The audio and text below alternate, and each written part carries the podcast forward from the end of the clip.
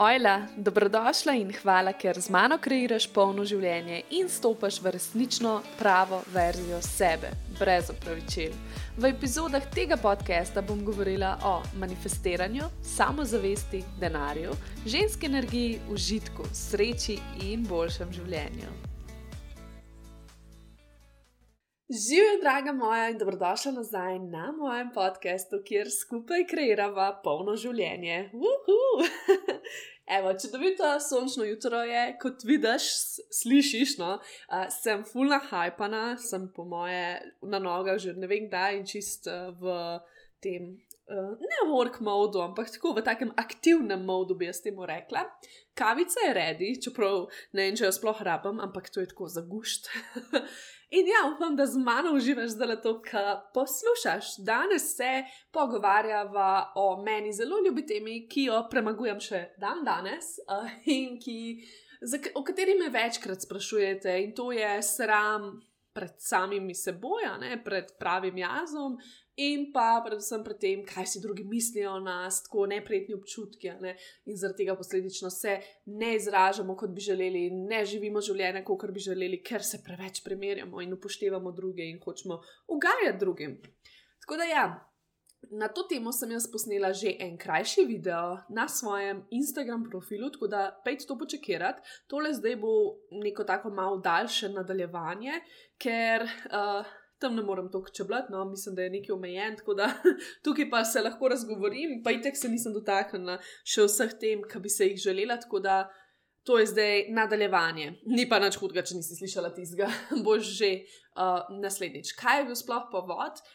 Uh, kot veš, mogoče v soboto, 19. marca, organiziram ženski krog Lolit, kjer se bomo povezali same čudovite ženske v takem intimnem okolju, In ja, med drugim uh, bo nekaj časa trajal tudi ples. Ne? In to je bila tako ena velika ovira za kar velik žensk, ki so mi pisale, uh, da se tega bojijo, uh, da jim je neprijetno, kaj si bodo drugi mislili, da ne znajo, in tako naprej.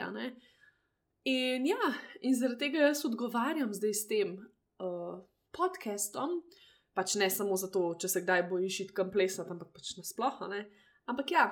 Če se še nisi prijavila, se prijavi na ta dogodek, ker gre za ekskluzivno ponudbo, da se druživa v živo. Jaz ti zaupam, ker si ti zdaj na mojem podkastu, hotel sem to deliti že kje druge, ampak uh, hočem, da to ostane malo intimno, no, da ne podelim vsega z vsakim, samo vam predanim. Uh, skratka, jaz manifestiram trenutno ene velike stvari in uh, ko se uresničijo, zdaj točno, seveda ne vem, kdaj vem, pa da se bojo uresničile, ker verjamemo v manifestacijo. Torej, ko se uresničijo, um, ne bo več toliko možnosti za dogodke v živo. Ne? In tudi nasplošno v mojem načrtu nekako tega ni toliko, da bi se veliko družili v živo, vsaj ne za enkrat. Tako da ja, več ali manj bo potem neka ponudba online in pa tako občasno, kot še en retrit. Sicer uh, retrit ne vem, če se bo letos sploh zgodil, um, nažalost. Ampak ja, torej, če si želiš stopiti v mojo energijo, če si želiš, da se mečkam podružimo, če želiš priti v to svojo uh, žensko energijo in pa še praznovati spomladansko in oko noče, kjer bomo posadili svoje manifestacije, pridi, pridi, vabljena. Pa še dobiš neko svojo, svoje kanalizirano sporočilo. Ampak ja, greva na zgodbo, na mojo zgodbo. Ok, torej, jaz sem si včasih, mislim, jaz sem bila vedno premenjena s tem, kaj si drugi mislijo. Vse stvari sem imela zelo, zelo osebno, veliko časa sem se prilagajala drugim. Več mi je pomenilo, v bistvu, da me drugi dojemajo kot uspešno, kot pa jaz samo sebe ne, da me imajo drugi radi, ne pa da imam jaz sebe rada. Pač o tem sploh nisem razmišljala. Ne zdaj, da bi rekla, ja, ja, jaz rajš izberem, da me imajo drugi radi. Ampak, a veš, kaj mislim? Ne? Tako, nisem sploh o tem razmišljala, pač samo hodila sem drugim to ugajati, ker če so mi drugi dajali potrditve, je to pomenilo, da sem jaz ok, um, da sem super, da sem ljubljena. Ne? In pač ja, takrat se tega res nisem zavedala. In tako v življenju je. Torej, dokler ne vklopimo svoj notranji gumb zavedanja, dokler ga ne pritisnemo, in začnemo zavestno gledati na svoje življenje. Ne? Predtem živimo na avtopilotu, vsaj jaz sem tako živela. Ne? Življenje je šlo mimo mene. Vse, dokler se nisem srečala s svojo notranjo senco in ugotovila, da mi pot, po kateri hodim, zares ni všeč. To zdaj, ki sem rekla, življenje mimo, je šlo mimo mene, to ne pomeni, da je za vozila sem zgubila, sem ne vem, koliko let življenja. Ampak šlo je mimo mene brez zavedanja, brez da bi se zavedala, kaj točno počnem, zakaj počnem in najpomembneje, ali sem sploh zadovoljna. Potem, ko sem naredila en tak reset, stisnila reset button.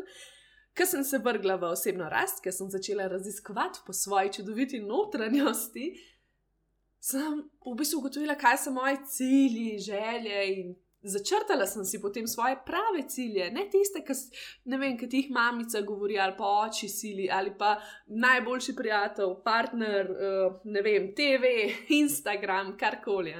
Jaz sem si začrtala svoje prave cilje, pogledala, kaj vse jaz zares rada počnem. Torej, kaj jaz rada počnem, v čem sem dobra, in si zastavila novo vizijo, kaj me usrečuje. No, in ja, to je bilo vse ok, ker sem dobila, seveda, novo upanje, ideje, svežino v svoje življenje. Ampak zdaj, kako narediti prve korake, ne? še zmeraj uno. Okay, eno je zavedanje, kar je zares pomembno. Že če samo to ugotoviš, kaj si želiš, kaj hočeš biti, ne? če veš, kaj je tvoje in kaj je njihovo, se pravi, drugih, ne? Uh, je že prvi korak ampak ja, še zmeraj pa moraš narediti tudi potem naslednjega, kar je pa korak akcije. In zdaj, kako jih narediti? Ne? Kako pokazati drugim, da se stara verzija mene poslavlja? Kako jim dopovedati, da nisem več tista slika, ki so si jo v meni ustvarili drugi.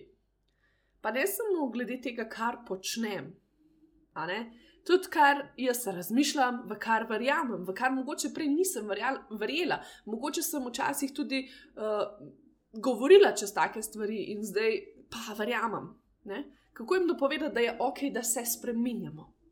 In tudi, bilo je tudi tako, glede zunanjega izgleda, spomnim se leta nazaj. Uh, V tistem času sem se hudo zredila. Se pravi, nekje, ko sem prišla iz srednje šole, sem se je začela zelo, zelo, zelo rediti. Povezan je bilo s tistim mojim temačnim obdobjem, uh, nasploh tudi, no, še z drugimi stvarmi, ampak ja, tako da ja, na polno sem se zredila. Govorimo 3 meseci, 20 kg, a ne neki tasga. Tako da ja. Vul mi je bilo narodno, res mi je bilo narodno, ne? ker sem včasih bila pač normalna, oziroma normalna, tako, pač imela sem normalno postavo, mislim, kaj zdaj to normalno, bi tudi lahko debatirali, ampak se veš, kaj hočem reči. Dojemala sem sebe kot nekdo, ki, ni, ki nima tukaj preveč kil, ne? še zmeraj nisem zadovoljna s sabo, kar ti lahko spet veliko pove. ampak ja, in potem kar naenkrat sem se počutila najbolj debelo. Ne? In potem sem se sekirala. Ne? Kaj bodo drugi rekli, le kako je debela, se zredila se je na polno. Ali pa ko sem imela že uspešno službo, zelo, ma, eh, zelo mlada, pri 19. Uh, in sem bila v njej zelo nesrečna. Ne? In po treh letih sem končno zbrala pogum in šla delati v trgovinco. Se pravi, prej sem delala v pisarni, kjer sem pomagala organizirati dogodke, konference, malo sem pomagala pri marketingu, vodila sem social media za eno fakulteto, Uh, tako da, ja, pač, bilo je kar tako odgovorno delo, pač, ne, pri 19-20 je to kar tako. Um, pač ni zdaj neki wow, da sem bila ne vem, kakšen direktor, ampak ja, jaz dojemam za tiste čase, bilo to za me zelo uspešno in tudi drugi, se pravi, moji sovrstniki, ki so takrat mogoče hodili na faks, pa sploh nisem imel službe ali pa so tako delali res priložnost na dela, ne, so vsi bili tako, wow, ti si pa res uspešna. Ne, in to je pač In tako sem bolj jaz dobila to njihovo projekcijo, njihovo percepcijo, oh, sem res, sem pa res uspešna, ne? čeprav sem bila nora nezadovoljna.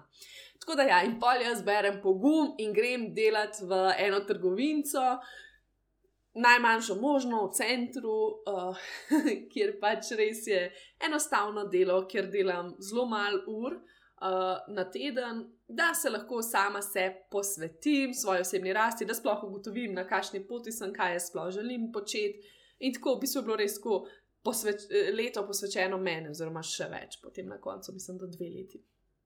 In ja.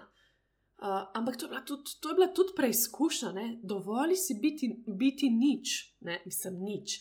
Sej, vsako, že, že to, da nekaj delaš, je ogromno. Ne, ne govorim, da zdaj hočem reči, da, da tisto ni pomembno, ampak v tem smislu, ne, ko sem se znašla spet v družbi nekih ljudi, ki so delali z mano v prejšnjem okolju, ne, so to mojo novo službo dojemali kot nekaj. Kot nazadovanje, kot kaj se je pa z mano zgodilo, da sem šla pa zdaj na tako slabše, če mi je šlo tako dobro. Ampak to je pač njihova percepcija. Ne? No, in jaz sem pa tukaj potem imela ful težav z egom in kako naj to drugim povem, da je to moja zavestna izbira. In pa sem imela kar nekaj časa potrebo po razlagi, zakaj sem šla sem. Ker tako, uh, ja, jaz sem zamenjala, pa sem šla tja in pa kar milijon neke razlage. Ne? Kaj je, mislim, ne, kao, ja, jaz tukaj iščem sebe, a ne, imam več časa za delo na sebe, pa svoj biznis mogoče, pa potovanja, ful se imam fajn, ful mi je boljša, kaj da moram nekomu nekaj nekaj dokazati. Ne čas ta potreba po opravičevanju, da me le ne bi drugi obsojali, pa se mi smejali za hrbtom.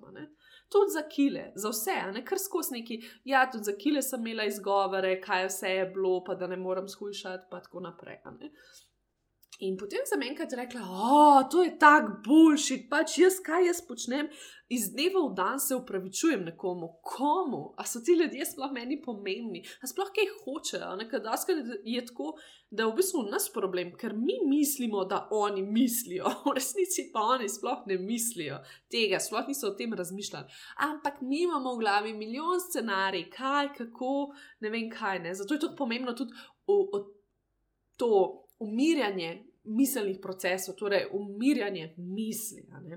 In jaz sem si takrat, kar naenkrat, mislim, kar naenkrat, že odnegdaj, ampak takrat pa še bolj želela postati neopravičljiva verzija sebe. Ne, vedno sem občudovala ljudi, ki stojijo za seboj, ki so si všeč, ne glede na kritiko, ki se sprejemajo in si vzamejo obilje v življenju. To sem tako, wow, vi ste moji idoli. Tako, to so za me bili močni ljudje, tako tudi čustveno stabilni. Uno, ok, lej, verjete mu ni lahko. Ampak gre, ta človek gre in je samo zavesten, ne glede na to, kako izgleda, kaj dela, kaj izbira v življenju, kakšno življenje živi, mogoče čisto kontra od tega, kar je kao neka norma. Ne? Tako da ja, zdaj greva na korake, ki ti bojo pomagali, da opustiš to sekiranje pred tem, o pač kaj si bodo drugi mislili. In prvi korak je do the work. Delaj, začni delati. Pač najpomembnejše je spoznaj sebe, spoznaj pravo sebe. Redko kdo od nas se sploh zares pozna. Zato si vzemi čas za druženje s svojo dušo. Sploh, če ti je to zelo pomembno. Ne? Če si želiš te stvari zares premagati, najdi potem v sebi predanost in razvij redno prakso. To je spet to, to sem že na videu rekla. Ne? Mi vse neki bi, ampak potem. Ker čakamo in ne bomo. Ne? Ne vem, recimo, nimamo te ustrajnosti in predanosti. To sem tudi zadnjič poslušala pri eni uh, coachinji iz Tunisa. Naredila je en dogodek, kjer je imela uh, več dni, uh, pač brezplačno je bilo, več dni je imela predavanja. In, in prvi dan se jih je največ pojavilo na tistem live predavanju, uh, dru, pa je že takoj rekla: No, bomo videli, zdaj, koliko vas bo ostalo, sploh glede na to, da je brezplačno, ne? koliko vas bo zares ostalo pa poslušali. In potem res naslednji dan jih je bilo na live, že, da bi rekel, ne vem, zdaj si izmišljujem, da bi rekel, da bi jih je bilo na prvem live 100, na drugem 60 in na koncu na tretjem live jih je bilo 24, 30, pa se vem, ja, to je tudi pač odvisno, se pol gledaš posnetek in tako naprej, ne, vse, uh, ne moreš se vedno prikazati live, ampak hočem reči, da še vsem se je videla ta predanost, koliko ljudi re, res nismo več navajeni ustrajati. Kako bi radi neke hitre rešitve. Ne? Isto tako, pričakujemo nekaj, ne želimo pa nič plačati za to ali pa nič narediti, samo poslušati, samo inspirirani smo, potem je pa to ok, v redu, ne? in potem pozabiš. Skratka, uh, zato in tudi to, ne, ja, jaz bi rada delala na sebi, ja, ampak potem res delaj na sebi. Tudi jaz se večkrat zalotam, da kar neki vmes padnem dol ne? in potem neham s temi svojimi praksami in vidim. Vidim, da, da ni ok, vidim, kako mi je boljš, ko jih delam, in potem se pač vrnem nazaj. Tako da, ja, zaveži se k eni stvari. Ne zato, ker je to fancy, ker vsi to počnejo, ker lahko to deliš na Instagramu. Ne, na dan si vzemi vsaj pet minut za meditacijo, za ples, za potovanje v telo, za pisanje dnevnika, ne vem, za afirmacije, karkoli pomaga tvoji notranji rasti. Torej, karkoli bo tebe zbližalo svojo dušo, tudi če to pomeni, da se pač. Uh, ne rabiš sploh, uh, kaj jaz vem, plesati, ampak boš ne vem, nekaj risala. Ne? Pač vprašaj se, kaj danes potrebuje moja duša, kako se lahko izrazi. Na tem uh, potovanju, ko sem delala na sebe, ne, sem jaz našla svoje prave cilje in svoje želje. Še zmeraj jih pač iščem, mislim, še zmeraj to delam in še zmeraj se potem kažejo, da so to res pravi. In me tudi vedno vrnejo nazaj, ko se začnem sekirati um, kam mi drugi, kakšne dvome probajo uliti. No, in ko imaš svoje želje in cilje, se lahko nazaj, ful, lažje vrneš k sebi. Tudi ko te, se pravi, drugi mečkam zamajajo, ko opazuješ druge in se z njimi primerjaš, ali pa ko ti drugi urivajo svoje nasvete in kritike. Še zmeraj je lažje, ker imaš ta, uh, tvoj center je bolj stabilen in lahko lažje v tem stojiš. No, in zdaj tukaj um, je zadnja priložnost, če boš ta podcast dosk malo poslušala. Razkrila sem že v prejšnji epizodi.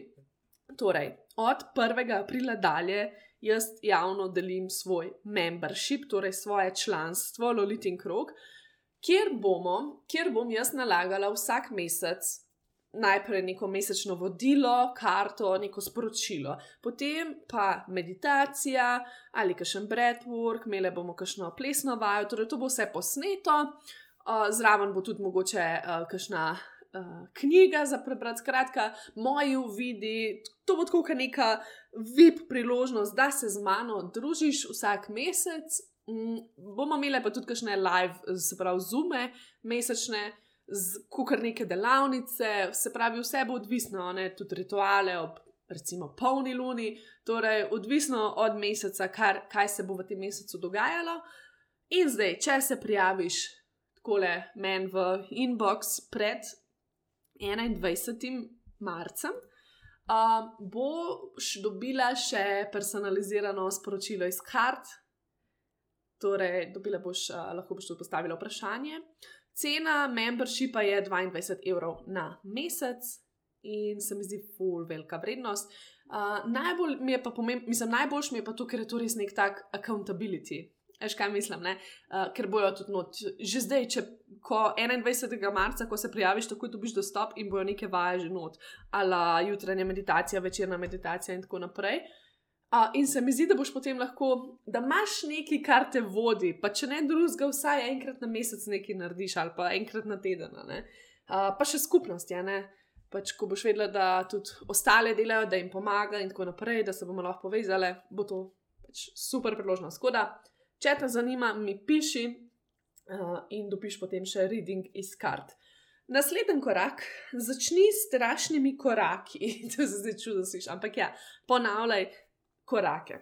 A veš, kaj rečejo, da se trema z vsakim nastopom bolj izgublja? Ali pa v službi je na začetku težko, potem pa se še vseeno malo navadiš.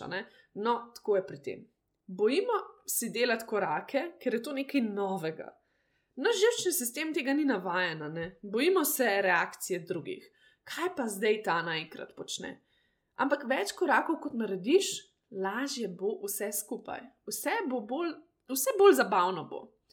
Ne, ko sem jaz, na primer, začela snemati sebe in govoriti v kamero ali pa plesati na storih, meni je bilo noro sram, pač no, kaj bo zdaj mislili ti ljudje, ker naenkrat jaz tukaj neki plešem, pa neki predavam.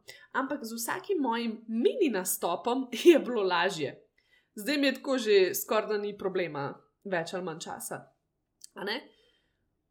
In ko me je bilo strah, ne, recimo, pokazati svoje telo, ker sem se zredila, sem tudi začela postopoma. Ok, danes bom oblekla kaj bolj oprijetnega. Ok, na tej fotki nisem uspela skriti svoje kile, ker to je bila moja največja umetnost, da sem probala tako nekako pozirati, da se to ne vidi. Ampak jaz sem to vse delila, ker sem še zmeraj osem. Ali pa ne vem, ok, sem sredi travnika in pa še mi plesati bosa. Pa začnimo najprej s hojo. bosa hodim, ok, le gud sem, noben me ne, ne gleda čuden, čuden. Ok, mogoče se lahko še malo pozibam. Pa tudi, če te gledajo čudno, pač to je njihov problem. Ti uživaš, a, a boš v tem obsojajočem mudu, ali boš rajš na uni drugi strani, ker pač unosi, I don't give a fuck, a ne, in pač uživaš. No, in tako je pač tudi ta ples na našem ženskem krogu, ki je v bistvu tudi en mini korak k temu, da si malo pustiš biti drugačna ali pa pustiš, pustiš malo bolj izražati sebe. Zato sem tudi urinila ta ples noter, ravno zaradi tega izziva, da ratamo še bolj pogumne.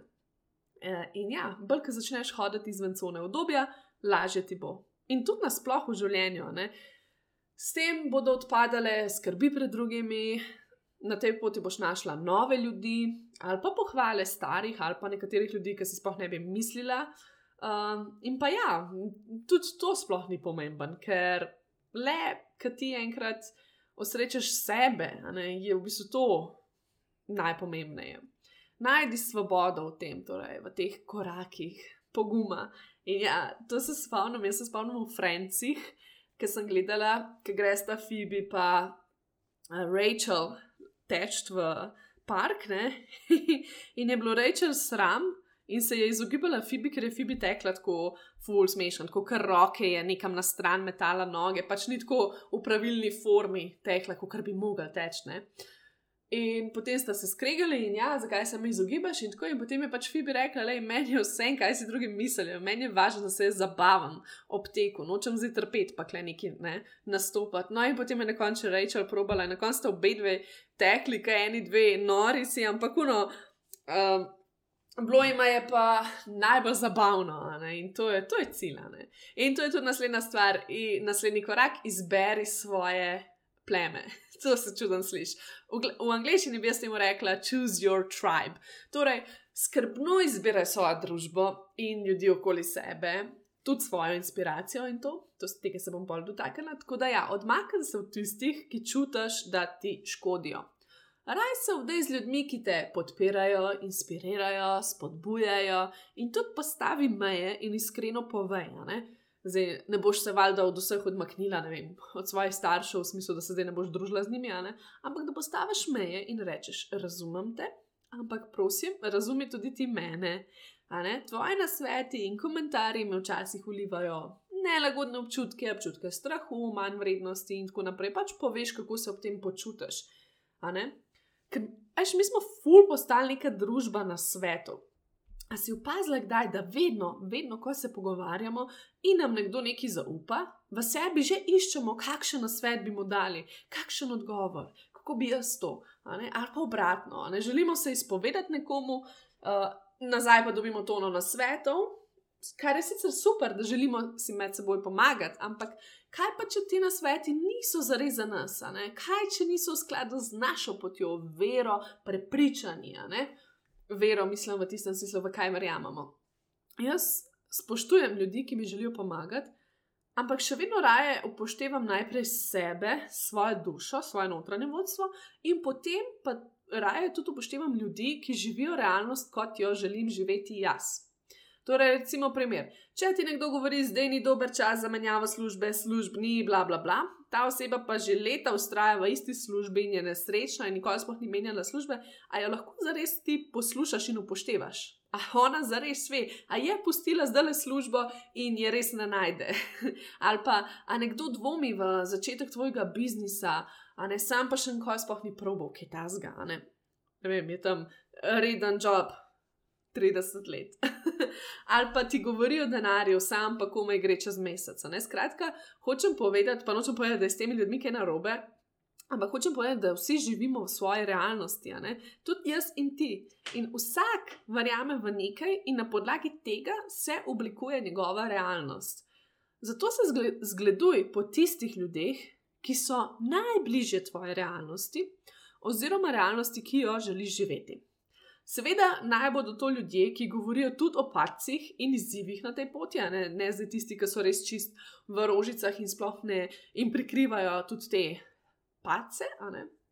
Ampak ja, ker zavedi se, nobena pot ni polna rožic, ni pa polna, ampak lahko si jo sami naredimo, kar se da lepo.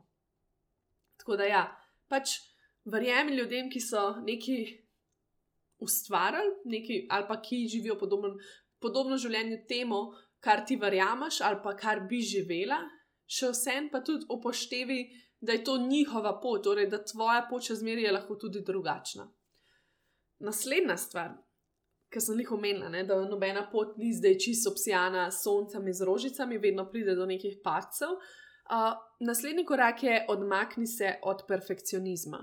Torej, živimo v družbi perfekcionizma, povsod imamo na svete, kako notranje, zunanje izboljšati sebe, živimo v družbi popolnih slik, highlight momentov, zato naj bo tvoj cilj živeti polno življenje in ne popolno.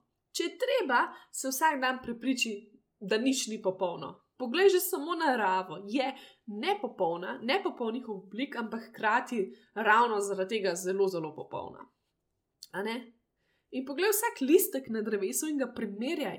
Noben ni popolnoma enak, vsak je mehen unikat. Zato dojemi svojo edinstvenost, sprejmi svoje razpoke, pokaži svojo nepopolnost, da se bo tudi vse več ljudi upal pokazati. Bodi ti, da jim ti dovoljenje, a ne bodi ti začetek.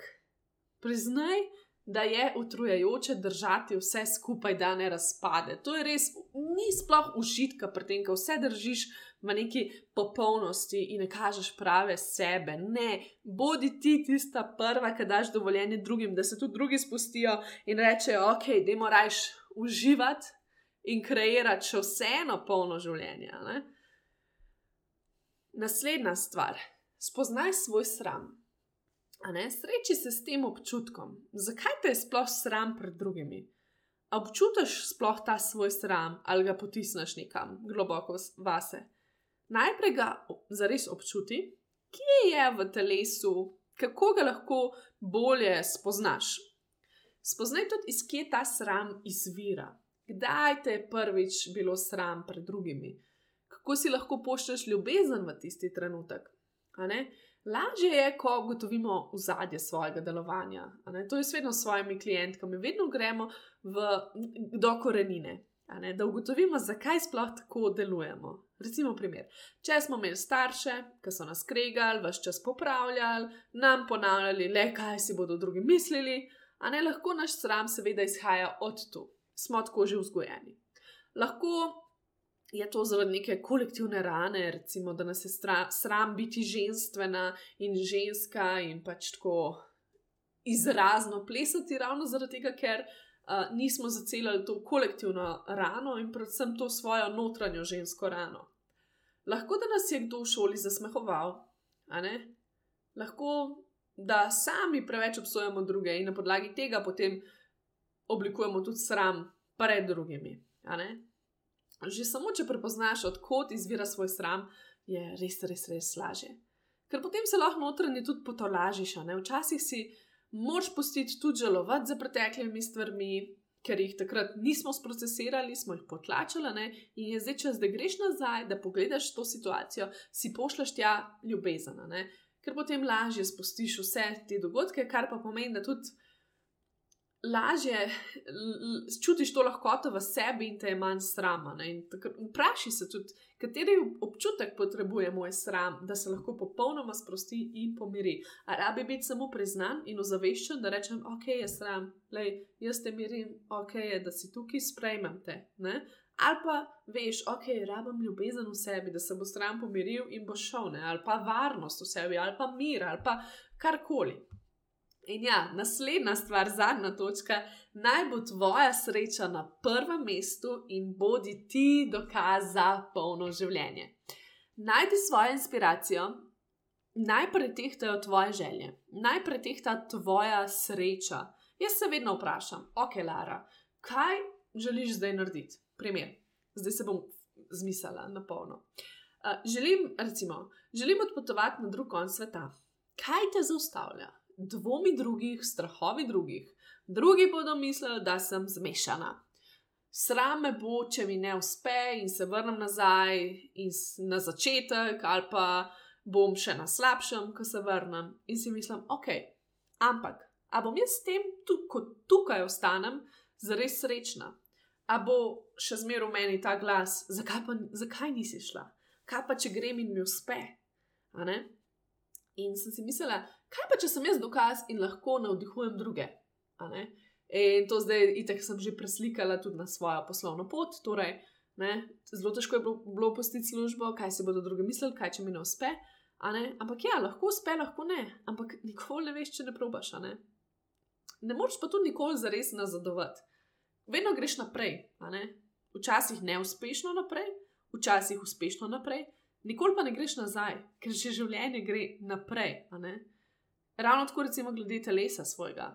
A bi res jaz zdaj rada uživala na plaži v svojih najljubših kopalkah, sprostila trebuh, da mi je prijetno, udobno in pač tekala po plaži in se veselila sonca in morja, ali bi se raj skrivala za brisačo, sedela tam nekje v senčki, skrita, vsa nesrečna in sprintala v morje čim hitreje, da me nihče ne vidi, na pač, ko vmes tečem. To je pač le par primerov, ti si presliki na svoje in potem pretehti, kaj je bolj pomembno. Ne? Ampak ja, na življenju smo zato, da uživamo in ne nastopamo, in da živimo svoje sanje, in da pustimo svoji duši, da se izrazi, ker ravno to je čar življenja, da smo si tako močno različni in da lahko razvijamo različne oblike življenja in različne oblike realnosti. Tako da ustrajajo pri svojem. In ja, za konec, še domača naloga. Mogoče si že prebrala to knjigo, mogoče ne. Ampak knjiga Marka Mansona z naslovom The Subtle Art of Not Giving a Fuck govori o tej temi. Ok, priznam, da sem pozabila skoraj vse, kar piše noter, vem pa, da mi je bila v času branja res dobra. In vem tudi, da jo mnogi že poznate, ker je tako bestseller in tako pač do znana knjiga.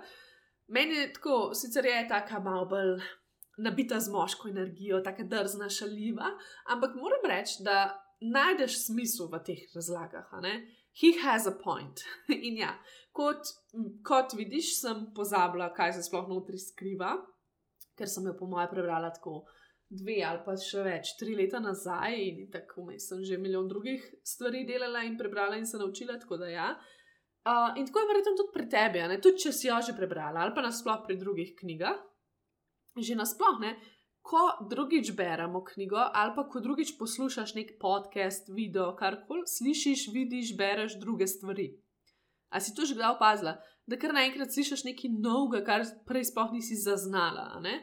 Pač tisto, kar v tistem trenutku potrebuješ slišati ali pa prebrati. In tudi tisto se ti takrat najbolj zapomne. In zato velikrat mene sprašujete glede knjig, glede seznama knjiga. Ne?